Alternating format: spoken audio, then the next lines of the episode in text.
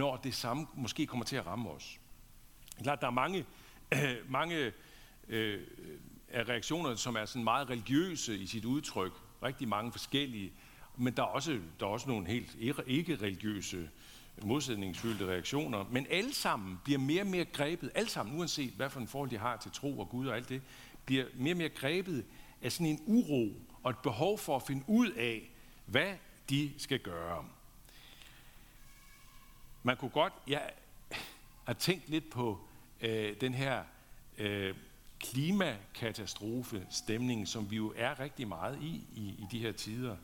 Og der er jo noget, der er sådan noget dommedagsvarselagtigt over også det, det tema. Og der er jo alle mulige reaktioner også der, både fra religiøse og ikke-religiøse.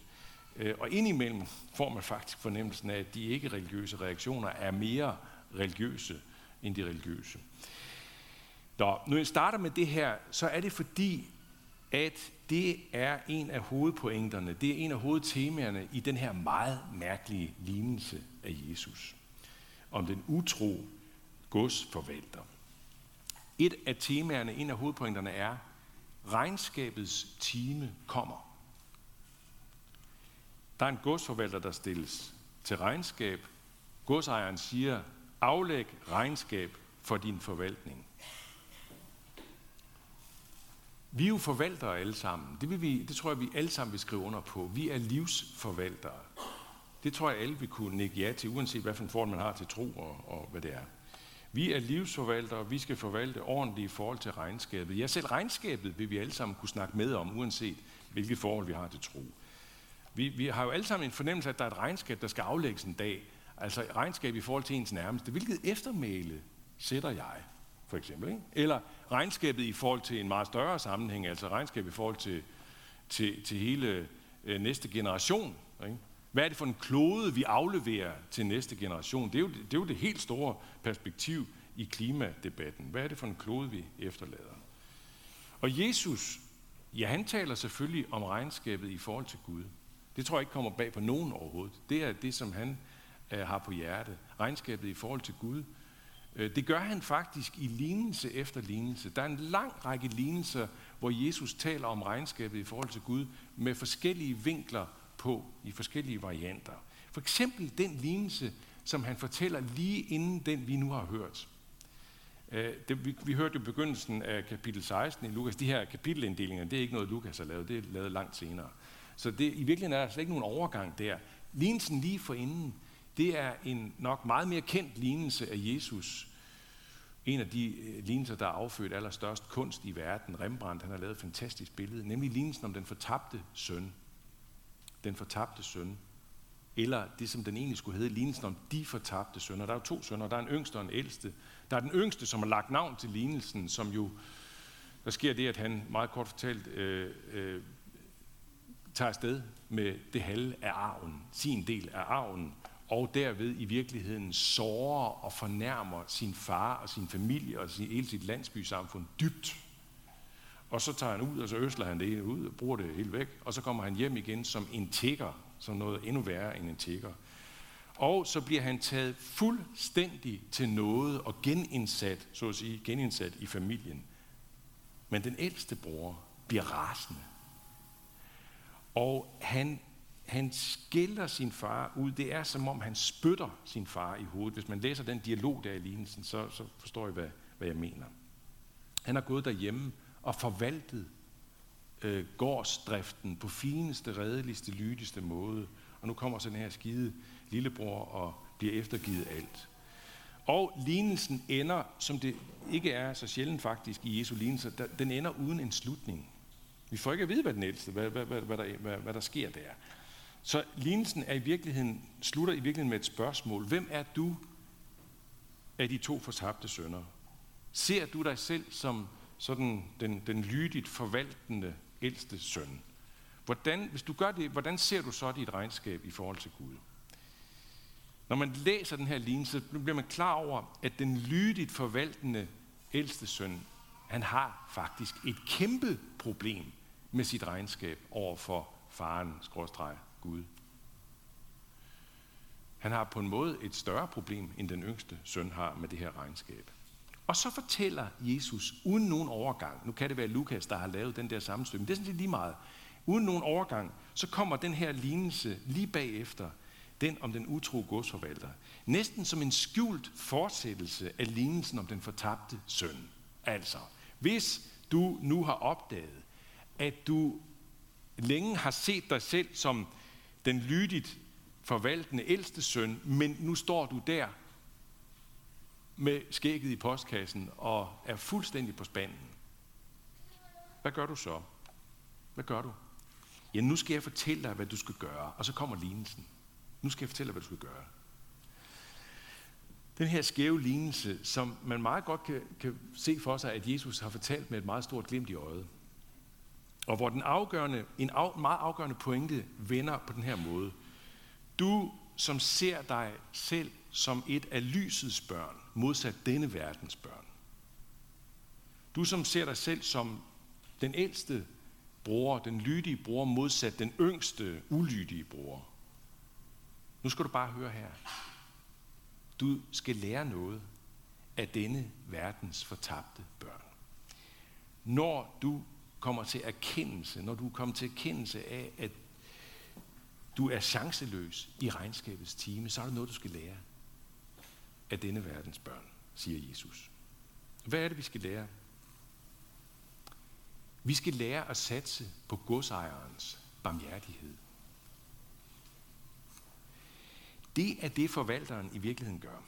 Hvis man nu læser den her lignelse i sådan en oprindelig mellemøstlig kontekst, som den jo så er, er talt ind i, så vil man blive klar over, at lignelsens virkelig overraskende point of no return, det er, det er godsejerens mærkelige reaktion på forvalteren. Vi tænker måske sådan umiddelbart, at, at, at, at forvalteren, øhm, det er ham, der smider jokeren. Ikke? Altså, det er ham, der, der gør det helt mærkeligt. Og det synes jeg rigtig nok, det gør han. Men han gør det, fordi godsejeren har smidt den først. Jesu tilhører, samtidens tilhører, de har virkelig undret sig over det, den skikkelse, Jesus tegner der, godsejeren. Det har de virkelig undret sig over. Øh, hvordan er det, den her reaktion ser ud fra godsejeren? Ja, den er så bemærkelsesværdigt afdæmpet. Hvis han skulle følge et mere almindeligt mønster, i så ville han have kaldt øh, forvalteren ind, og sandsynligvis har haft en masse andre til stede, og så ville han have skældt ham her og æder fra, og så ville han, øh, og så ville han simpelthen øh, have øh, fået ham sat i fængsel. Det ville Jesu tilhøre, han synes var, var meget øh, fornuftigt og, og, en, og en optakt til en fin historie. Men hvad gør godsejeren? Ja, han nøjes med at forholde øh, forvalteren, Øh, at han kender til hans underslæb, og han beder om ham om, om at lægge af, af, aflægge regnskab, og så får han en fyreseddel. Og det er meget nådigt. Og forvalteren aner en mulighed og tager en chance på den her uventede nådige reaktion fra godsejeren. Jeg kan godt tænke mig at prøve øh, at øh, fortælle, genfortælle den her lignelse i en mere, hvad skal vi sige, en mere nutidig dansk klædedragt. Hvis man kunne forestille sig den på den her måde, så når vi altså kan få øje på, øh, på den her pointe, den her vinkel på den. Hvis man forestiller sig købmand Pedersen i Sønder Omme, øh, som i længere tid har haft øh, en mistanke om, at ekspedient Hansen, han har foretaget underslæb i meget stort omfang. Og øh, en dag så er købmand Pedersen så sikker i sin sag, så han indkalder ekspedient Hansen på kontoret, og øh, så forelægger han ham sagen under fire øjne. Mærkeligt nok, så truer Pedersen ikke med, med, med politi og erstatningskrav. Det ville være fuldstændig selvfølgelig, men det gør han ikke. I det hele taget så er han mærkelig lavmælt, når man tænker på sagens store alvor. Altså han lægger kortene på bordet lige frem, uden omsvøb. Han beder om dokumentation for den sidste tids regnskabsforhold, og så giver han Hansen fyresedlen. Hansen han har selvfølgelig øh, delvis været forberedt på, øh, at det, det kunne komme en dag, det her. Han ved jo godt, hvad han har haft gang i. Så han har sådan gået og haft sådan inde i sit hoved nogle, nogle bortforklaringsforsøg parat. Men Pedersens øh, mærkelige, sådan meget direkte, men også mærkelige, nådige façon der, det lukker ligesom munden på ham. Og der står han tavs, og, og i sin tavshed, så, så indrømmer han jo, at, at, at Pedersen har ret. at han har virkelig foretaget alt det her kriminelle, tillidsbrud og alt det her. Men i tavsheden, hvor han står der, det er vældig, vældig ubehageligt, så altså, melder der sig yderligere et stærkt ubehag. Nemlig den tanke, hvad nu? Snart vil rygtet gå i Sønder Omme og omegn om den her gennemkorrupte ekspedient, og han og hans familie vil i al eftertid være sat fuldstændig uden for det gode selskab. De vil ikke have en chance. Der er ikke nogen, der vil vide af dem, det er helt sikkert. Så der skal handles hurtigt, inden nyheden om fyringen er sluppet ud. Og samtidig så sidder også Købmann Pedersens mærkelige nådige reaktion, den sidder ham også sådan lidt i blodet. Og der former sig en plan i hovedet på ham. Og de resterende to timer af øh, arbejdsdagen, der kører han rundt øh, til en række af de kunder, som har ret meget kredit hos Pedersen. Og øh, det er almindelige kendte folk i byen og anerkendte og hederlige folk. Og så tager han rundt til dem, og så fortæller han dem, at Købmann Pedersen har meget snart 25 års jubilæum. Og han har tænkt sig at uddele en meget rundhåndet jubilæumsgave, nemlig at øh, alle dem, der har kredit hos ham, de får halveret gælden. Og snart så er nyheden ude i hele Sønder Omme om købmand Pedersens usædvanlige jubilæumsgave, og jublen over købmanden vil simpelthen ikke tage nogen ende. Aldi og Netto og Rema, altså de kan bare blive langt væk. Så længe vi har købmand Pedersen her i Sønder Omme, så, så er vi glade. Og, og, og, og folk strømmer til butikken og, og så videre. Ikke?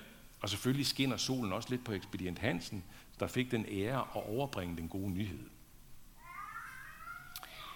Da Hansen så nogle få dage efter stiller med de her regnskabsting øh, på Pedersens kontor, som han har fået at vide, han skal, så ser Pedersen på ham med et langt underfundigt blik. Godt gået, Hansen. Godt gået. Herren roste den uærlige forvalter, fordi han havde handlet klogt, fortæller Jesus. Nu kan det der herren, det kan være Jesus selv, det er lidt uklart faktisk. Men det kan faktisk også være herren, altså godsejeren i lignelsen. Det er sådan set lige meget. Regnskabssituationen over for Gud, det, var, det, det var udgangspunktet. Og menneske indser i et nu sin situation. Min gæld er ubetalelig. Den kan ikke arbejdes af. Jeg kan kun gøre én ting. Jeg kan kun satse på min herres barmhjertighed. Guds barmhjertighed. Ikke satse på den sådan tilbagelænet, sådan lidt, lidt ligeglad. Ja, det går nok alt sammen. Gud elsker os jo fra morgen til aften. Altså. Han er jo, men han er jo kærlighed, ikke? Altså, så hvad søren? Det. Nej, overhovedet ikke. Satse på den. Satse aktivt og vedholdende på Guds barmhjertighed. Ved for eksempel at gøre det, vi gør lige nu. Og komme til Guds tjeneste. Søndag efter søndag. Fordi man bare ved, at det går ikke uden. Jeg kan simpelthen ikke fremmane og fastholde denne barmhjertighed i mig selv. Jeg har brug for at høre den. Jeg har brug for at synge den. Jeg har brug for at smage den. Jeg har brug for at knæle. Øh, jeg har brug for at knæle foran den ved, ved alterbordet. Og for den sags skyld har jeg brug for det dag ud af dagen. Med bønder og tanker og læsning og hvad det er. Jeg har brug for disse små opstandsningsøjeblikke midt i min meget, meget fortravlede, hektiske hverdag, hvor jeg midt i min travlhed, i kraft af min travlhed, kan godt få den der meget stærke fornemmelse i krop og sind, at jeg bærer mit liv. Jeg har ansvar for det hele. Jeg har bare brug for nogle, sådan nogle små breaks i løbet af dagen, hvor det går op for mig. Alt er barmhjertighed. Jeg er borget. Og så også aktivt og vedholdende satse på Guds barmhjertighed ved selv at udøve barmhjertighed. Hvad var det, Jesus sagde i det, man kalder saligprisningerne? Begyndelsen af bjergprædiken. Salige er de barmhjertige, for de skal vises barmhjertighed. En mærkelig vækstende sammenhæng, der er der. Den, der praktiserer barmhjertighed, lever selv af barmhjertighed. Den, der er virkelig gavmild, er det, fordi han har en dyb og indgroet fornemmelse af selv at være genstand for gavmildhed. Og gavmildhed, det er jo et andet stort tema i den her lignelse, som der ikke er tid til i dag. Men gavmildheden springer ud af, at man selv har en, en, en bevidsthed om, jamen jeg er bare jeg er genstand for gavmildhed. Fra morgen til aften. Den der øh, tv-serie Leftovers, der, der sagde jeg, at, at der var mange, mange forskellige reaktioner på, på den her bortrykkelse og frygten for den kommende dommedag. Mange forskellige reaktioner.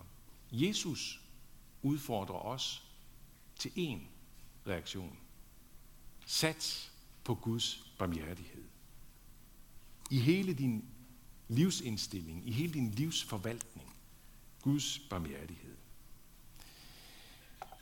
Øh, der er en, en øh, amerikansk teologiprofessor, Kenneth Bailey, der har oversat en del bøger af, af ham til dansk.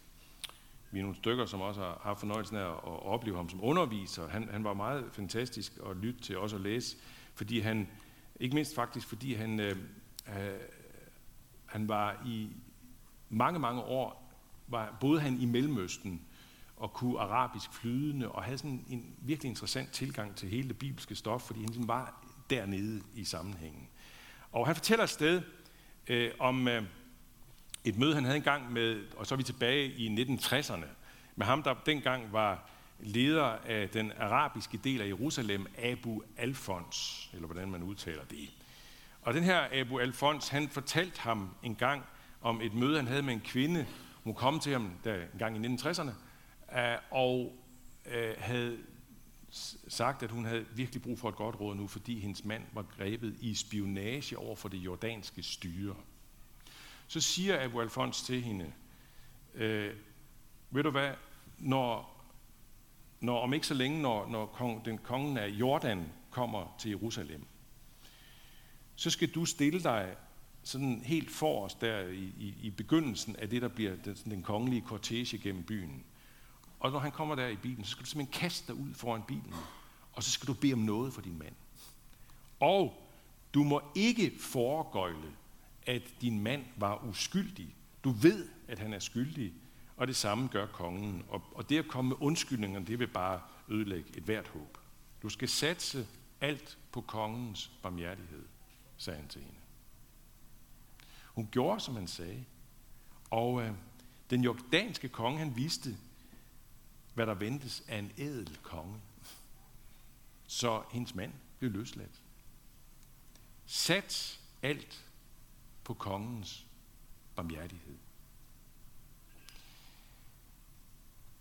Og det får mig til at slutte med ordene, lov, tak og evig ære være dig, hvor Gud, Far, Søn og Helligånd, som var, er og bliver en sand treenig Gud, højlået fra første begyndelse, nu og i al evighed. Amen.